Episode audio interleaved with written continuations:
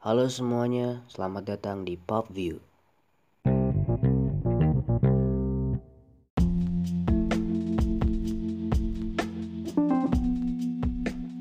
Kali ini gue mau ngomongin uh, tentang uh, Korean drama atau drakor. Orang Indonesia biasanya nyebutnya drakor kan, drama Korea. Uh, gue gue pribadi uh, udah nonton drama Korea dari kecil dari gue SD gitu karena nyokap gue suka juga. Tapi gue tuh nggak terlalu kayak apa ya mengikuti trennya gitu. Gue cuma nonton yang ada di TV doang waktu itu. Dan uh, juga gue juga sebenarnya gue punya beberapa uh, versi DVD-nya gue nggak tahu itu itu asli atau enggak gitu. Dulu soalnya gue punya uh, gue lupa itu original atau atau atau bajakan gitu ya. Uh, tapi gue yakin itu original. Karena belinya juga kayak agak mahal waktu itu. Uh, The Hairs kalau atau apa gitu gue lupa. Pokoknya zaman zaman gue SMP dan gue dicengin sama teman-teman gue. Uh, nonton nonton drakor tuh nggak nggak nggak maco gitu nggak kayak cowok gitu loh kayak cewek menye menye padahal yang kemudian gue sadari adalah nggak gitu gitu akhirnya gue mengenal mulai dari situ gue mengenal K-pop kan. Gue mengenal uh, uh, Korean movies Korean film. Yang ternyata berbanding terbalik daripada yang orang-orang omongin gitu. Mereka cuman taunya ya drama-drama populer kayak Winter Sonata gitu kayak kayak The Hair kayak Boys Before Flower kan. Itu emang romcom gitu. Jadi uh, orang tuh nyangkanya gitu doang gitu. Drama Korea itu cuman cinta-cintaan doang yang klise yang yang cringe gitu. Padahal kalau lu nonton drama Ocean muntah-muntah lu. Baru tahu lu gitu kalau ternyata Korea bisa bikin film kayak gitu bisa bikin uh, drama kayak gitu. Apalagi filmnya gitu filmnya tuh banyak yang gila-gila gitu. Lu kalau nonton Old Boy itu tahun 2003 itu film udah gila abis tuh. Belum lagi nonton film-filmnya Bong Joon Ho yang yang lu lu bakal dapat semua hal yang lu harapkan dari sebuah film lah gitu. Cinematic um, experience gitu. Lu juga dapat story yang yang apa ya out of the box dan plot yang menarik gitu. Banyak banget sinias-sinias Korea Selatan yang emang uh, punya kualitas sendiri gitu. Dia punya standar yang tinggi untuk sebuah filmmaker. Nah pertanyaannya adalah apa yang membuat kayak drama sesukses sekarang gitu. Gue nggak mau ngomongin uh, Hallyu gitu atau Korean Wave uh, secara umum. Gue lebih spesifik ke kayak drama gitu. Kalau film sih udah jangan ditanya dah gitu. Tahun kemarin Oscar siapa yang menang? Gitu. Lo, lo bisa tahu lah gitu dari situ. Seberapa uh, apa ya seberapa besarnya um, industri perfilman mereka gitu. Nah sekarang kita ngomongin industri televisi kayak drama kan ya berhubungan dengan televisi lah gitu. Uh, gue mungkin ya udah nggak tahu ya gue nggak bisa ngitung berapa drama yang udah gue tonton. Uh, cuman gue sempat berhenti emang tadi gue bilang gitu karena gue malu gitu dicengin sama temen. Uh, tapi setelah gue tahu bahwa ternyata uh, drama Korea nggak sesempit itu akhirnya gue mulai nonton lagi pas SMA uh, walaupun gue orangnya emang bukan orang yang ngikutin tren ya jadi gue nggak banyak tahu waktu itu dan mulai uh, apa ya mulai ngelihat lebih lebar lagi gitu lebih luas lagi dari perspektif lain gitu. Gue ngelihat emang emang drakor ini punya keunikan tersendiri gitu sebagai apa serial televisi uh, di Korea Selatan. Emang apa ya ya unik aja gitu. Mereka mereka punya standar sendiri untuk membuat sebuah serial televisi nggak kayak di kita gitu. Gue nggak tahu sih gue nggak berani nuduh apa apa sebenarnya. Cuman yang gue lihat gitu di Indonesia tuh kacau balau gitu loh kalau soal televisi. Ya lu bisa menyaksikan lah. Menurut penilaian gue gitu yang gue lihat nih gue nggak tahu belakangnya kayak apa tapi yang gue lihat hancur-hancuran gitu loh. Tapi tapi di Korea Selatan sana meskipun apa ya dalam hal sensor cukup konservatif um, kayak Indo tapi nggak se nggak sekolot di sini gitu loh masalah kayak gitu. Ya kalau misalnya lu lu misalnya uh, dramanya apa misalnya rate ratingnya lu dapat 19 plus misalnya tayanginnya malam hari gitu. Jangan jangan di waktu-waktu jangan di prime time gitu loh. Kalau di Indonesia kan uh, sinetron ya harus jam segitu habis maghrib gitu ngincarnya ya rating. Tapi pada akhirnya kan nggak gede-gede banget ya ratingnya gitu. Nah baik lagi. Yang pertama ya menurut gue ini ini sebenarnya ya analisis kacangan lah analisis uh, apa adanya gitu. Dari gue yang cuman ya baca-baca artikel gue juga masih nyari tahu sebenarnya ini kenapa sih gitu kayak drama bisa sukses banget gitu. Apa bisa Indonesia kayak kayak kayak Korea gitu industrinya terutama televisi gitu kalau film sih kayaknya udah mulai naik ya Indonesia. Uh, di beberapa festival juga banyak film-film kita yang masuk dan uh, mendapat nominasi bahkan mungkin menang gitu. Uh, walaupun yang nggak banyak tapi seenggaknya kan ada gitu. Nah sementara televisi kita tuh masih hancur-hancuran gitu. Bahkan kualitas gambarnya jeleknya minta ampun gitu. Kayak lu wah emang sih gue gue juga nggak ngerti gitu ya kenapa bisa gitu. Um, acaranya juga nggak menarik gitu. Sementara di di Korea Selatan sana ya industrinya udah mapan banget sih emang penataan industri ini gitu yang yang perlu diperhatikan gitu. Emang harus ada yang mengubah sih. Harus ada yang mengubah harus ada Indonesia kan selalu ngikutin tren gitu. Nah masalahnya adalah tren yang diikuti itu tren-tren yang nggak benar gitu tren-tren yang yang aneh gitu yang konyol. Jadi bikin acara gosip terus uh, booming yang lainnya juga bikin gitu. Stasiun TV lainnya bikin cuma beda format tapi intinya julid juga gitu. Nah itu kan apa ya, miris aja gitu. Kok kok nggak ada ide lain gitu? Mungkin ya gue tahu gitu karena rating ratingnya tinggi gitu. Tapi mencoba hal yang lain tuh nggak ada salahnya buat gue gitu. Kayak gue rasa bisa kok gitu. Ya nggak harus sebagus langsung sebagus Korea karena kan di mana-mana juga proses gitu. Tapi ini justru malah downgrade gitu kita tuh. Makin lama gitu. Karena dulu gue pikir nggak segini apa ya nggak segini hancurnya gitu. Nggak segini anehnya gitu. Menurut gue sih bukan hancur ya aneh sih. Hancur sih enggak cuman aneh gitu. Industri perfilman ya sorry. Industri televisi kita. Yang pertama ya itu sih kali ya membangun uh, industri yang mapan dulu gitu. Uh, ya sambil proses gitu kita memperbaiki kualitas. Sinetron kalau misalnya digarap dengan dengan baik gitu ya dengan uh, totalitas menurut gue bisa kok gitu. Jadi karya yang bisa dinikmati semua orang gitu bahkan gue yang gak nonton sinetron sama sekali bisa kok kalau misalnya uh, apa ya plotnya dibenerin gitu kualitas gambarnya dibagusin. Dan gue gue tuh sebenarnya ya format sinetron ini udah udah agak kolot gitu. Gimana bukannya jelek cuman terlalu panjang aja gitu buat diikutin dan sementara orang-orang ya mungkin ibu-ibu ya pasarnya oke okay lah gue ngerti tapi ya sekali-kali lah bikin TV series gitu yang yang bagus gitu loh TV tapi kan selama ini kan TV nggak pernah bikin kayak gitu. Terakhir ya net TV doang sih kayaknya bikin sitkom keren-keren. Sekarang pun kayaknya eh, nggak uh, ada lagi net. Gue nggak nggak pernah nonton TV lagi sih. Uh, cuman yang gue tahu net TV cukup bagus di situ. Cuman kayaknya sih bisnisnya nggak terlalu mujur gitu.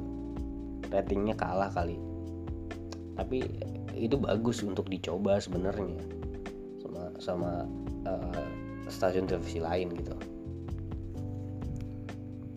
Yang kedua ini penting juga sih dukungan pemerintah. Uh, ya kalau kalau lo lihat gitu ya lo baca di artikel-artikel basic gitu informasi basic soal industri hiburan di Korea Selatan ya lu lu banyak nemu uh, pernyataan bahwa pemerintah mendukung banget gitu lu lihat lah BTS uh, eh, dapat banyak penghargaan sampai diundang presidennya gitu. Uh, sampai dikasih banyak penghargaan sama negara gitu. Dan kalau nggak salah ya kalau nggak salah nih gue kayaknya nggak tahu salah baca berita atau enggak gitu ya. Uh, tapi berita yang gue dengar tuh BTS boleh member BTS tuh boleh uh, menunda uh, wajib militer sampai 30 tahun. Sampai umurnya 30 tahun maksud gue uh, itu juga sebuah apresiasi yang sangat baik gitu. Gue ngerti kok Jokowi juga bisa kayak gitu. Waktu itu Rich Brian diundang gitu ke ke istana presiden. Cuman ya kalau cuman Rich Brian doang yang kayak gitu masih kurang lah gitu. Masa cuman Rich Brian gitu? Masa cuman Agnes Monica masa cuman Nicky sama Stephanie Putri gitu? Harus ada yang lain gitu padahal kayaknya kita punya banyak potensi gitu. Kita kita punya banyak banget bibit yang bagus gitu untuk dibina gitu. Dan pemerintah wajib mendukung menurut gue. Sekarang sih udah agak mendingan ya. Uh, banyak banget dukungan dari uh, terutama dari Backcraft gitu-gitu untuk untuk industri kreatifnya. Kemudian kayak kemarin kalau nggak salah Kemendikbud juga sempet kerja sama sama Netflix kayaknya masih itu sekarang. Um, undang Timo Cahyanto juga waktu itu jadi pembicara. Gue lupa gitu ngomongin apa.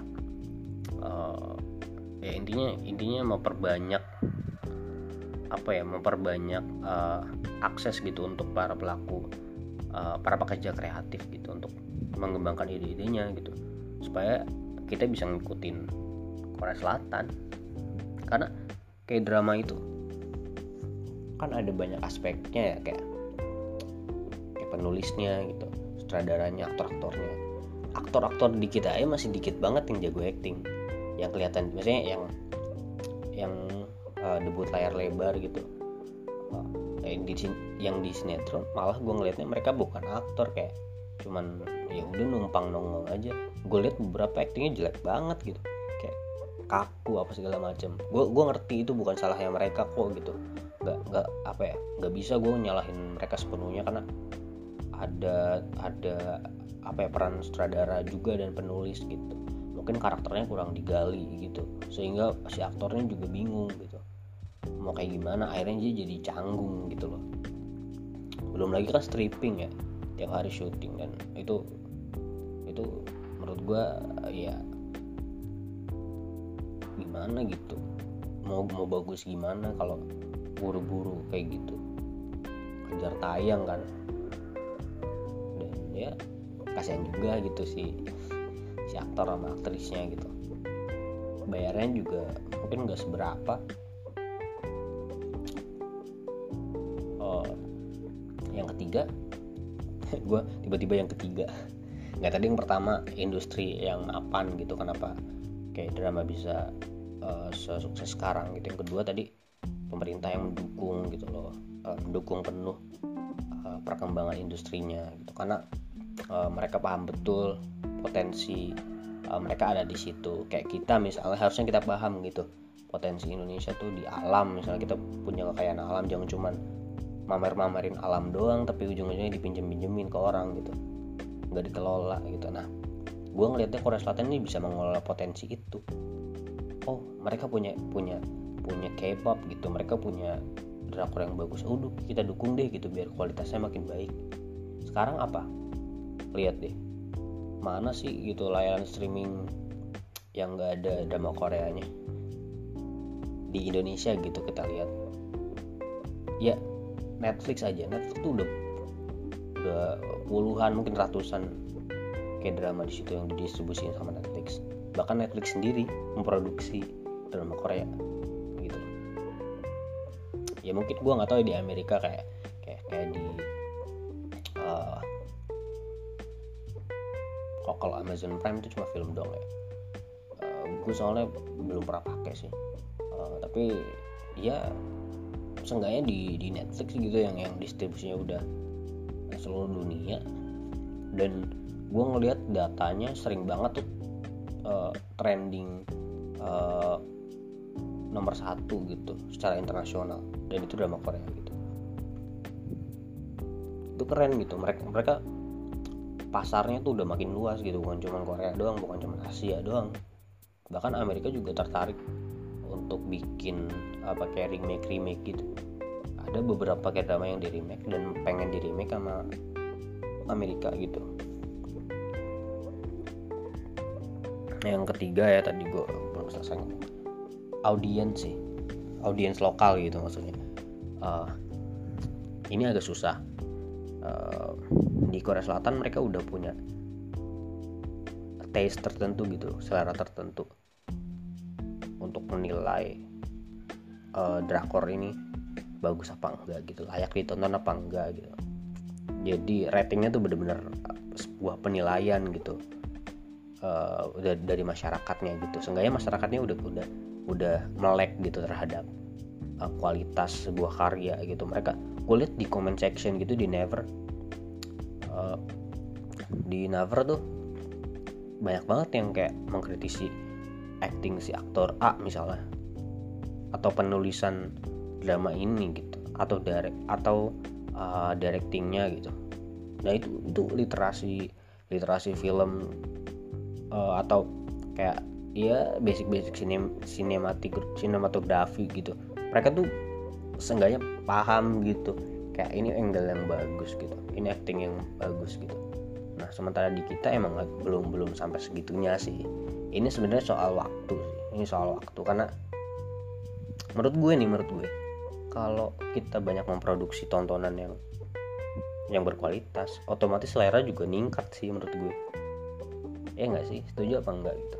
Cuman menurut gue gitu bikin aja film yang bagus bikin aja uh, TV series yang bagus. Ntar juga masyarakat uh, apa ya punya kesadaran gitu. Dan secara tidak langsung mereka juga akan meningkatkan standar mereka kok gitu dalam mencari tontonan. Jadi menurut gue menurut gue nih ini yang yang yang yang keempat gitu berani gitu. Mereka tuh berani gitu rumah-rumah produksi di Korea Selatan tuh berani-berani gitu untuk memproduksi ide-ide yang fresh dan unik. Itu kalau kalau kita lihat kan drama Korea tuh makin ke sini tuh makin beragam gitu. Ada yang ada yang pakai tema time travel lah gitu. Ada yang uh, apa psychological thriller gitu. Yang which is um, susah banget gitu. bikinnya gitu 16 episode terus lu bikin yang lu harus lu harus apa ya memaintain si uh, apa namanya ketegangan itu. Itu susah banget gitu untuk untuk seorang sutradara. Dan mereka bisa kok gitu. Mereka bisa gitu loh. Bikin komedi yang bagus-bagus mereka bisa. Karena mereka modalnya ya berani gitu. Berani sama uh, berani untuk apa ya untuk untuk menuangkan ide yang fresh dan unik mereka gitu loh untuk kemudian diproduksi.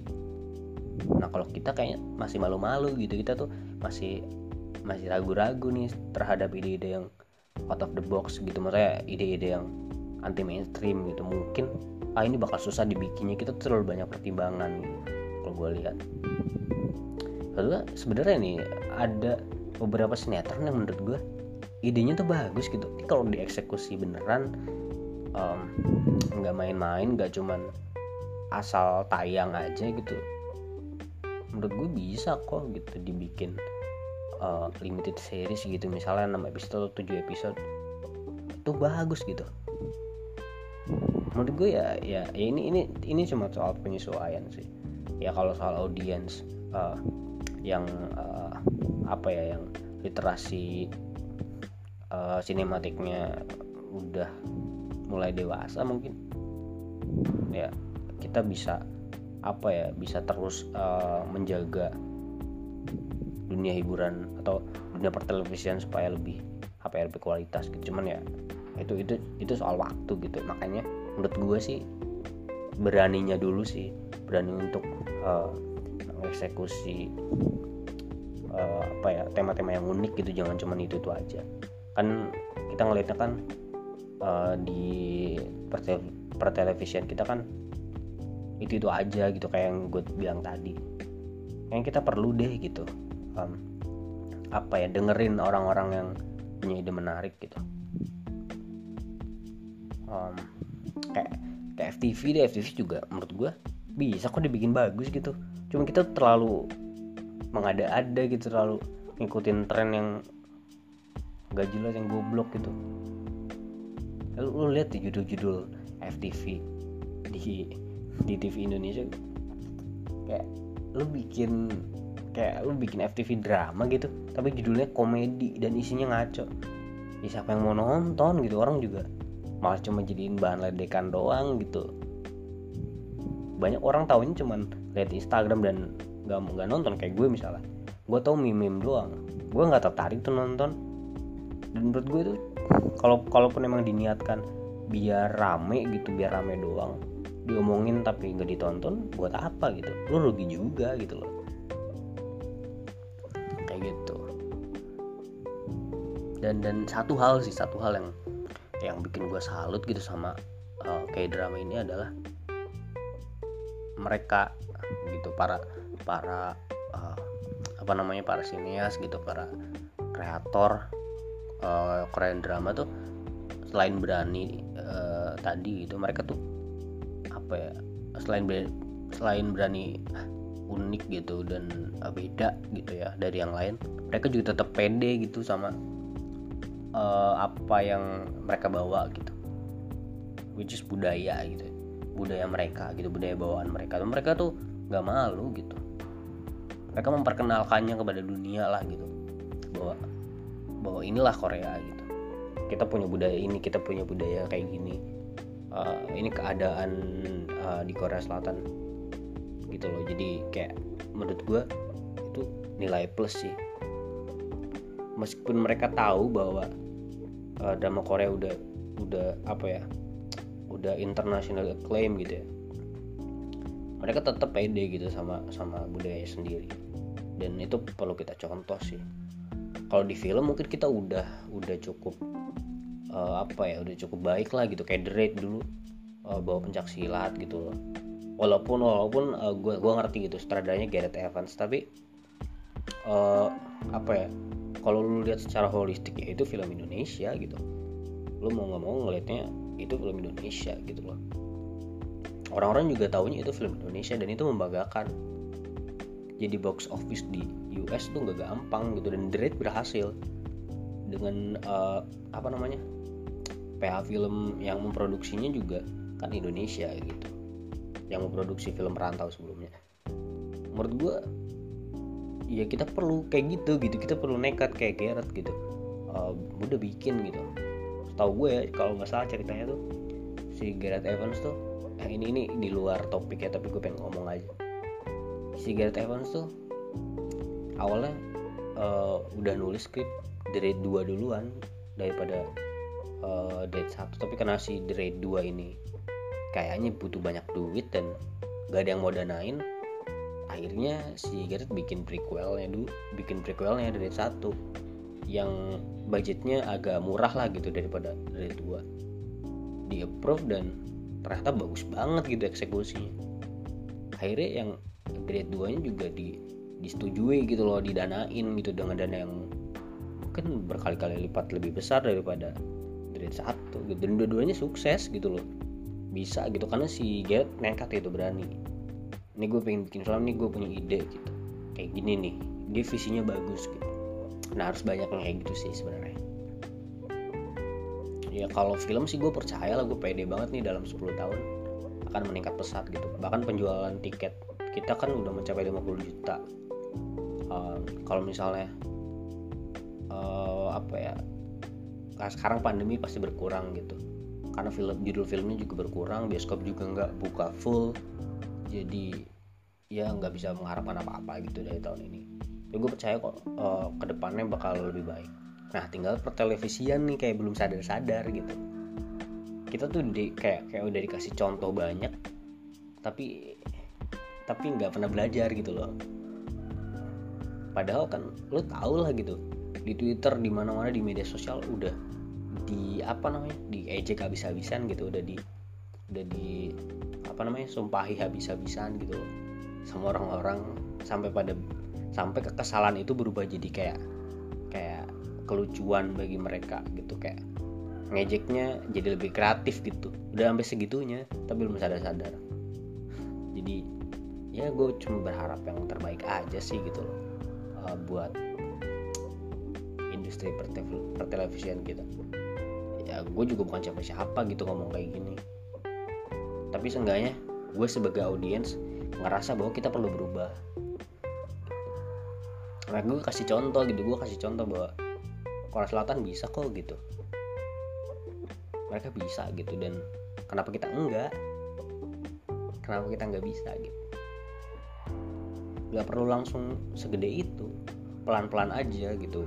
Perbaiki kualitas. Minimal ceritanya deh gitu. Nggak nggak usah nggak usah mahal-mahal dulu deh gitu kualitas videonya gitu. Yang penting ceritanya benerin dulu gitu.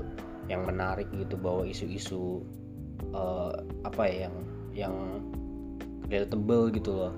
Meskipun gue lihat sinetron pada relatable juga. Ujung-ujungnya jadi nggak believable gitu kalau lu nonton sampai episode ratusan. Jadi aneh gitu loh. Kayaknya udah udah kurang bisa dinikmati deh uh, format sinetron ini gitu. Kalau dulu kayaknya seru-seru gitu sinetron-sinetron.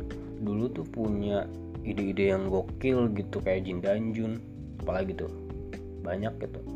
Uh, gue juga nonton dulu uh, terus ada tuh dulu sinetron netrasi dulu sama sama Dian Sastro apa tuh gue lupa. Itu juga bagus.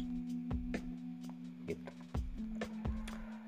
Ini sekian kali ya dari gue uh, ini sorry banget gue kalau ngomongnya agak ngos-ngosan gue habis gawe jadi juga sambil gerak-gerak. Nggak bisa diem gue. Ada keringetan kayak gini emang gerah banget jadi uh, napas gue agak terengah-engah. Ini juga recordnya gue cuma pakai HP gue karena takut lupa aja gitu. Gue kadang kan lupa jadwal gitu meskipun gue udah nyatu ya, mungkin itu aja. Uh, teman-teman semoga uh, bermanfaat. Kalaupun enggak ya udah.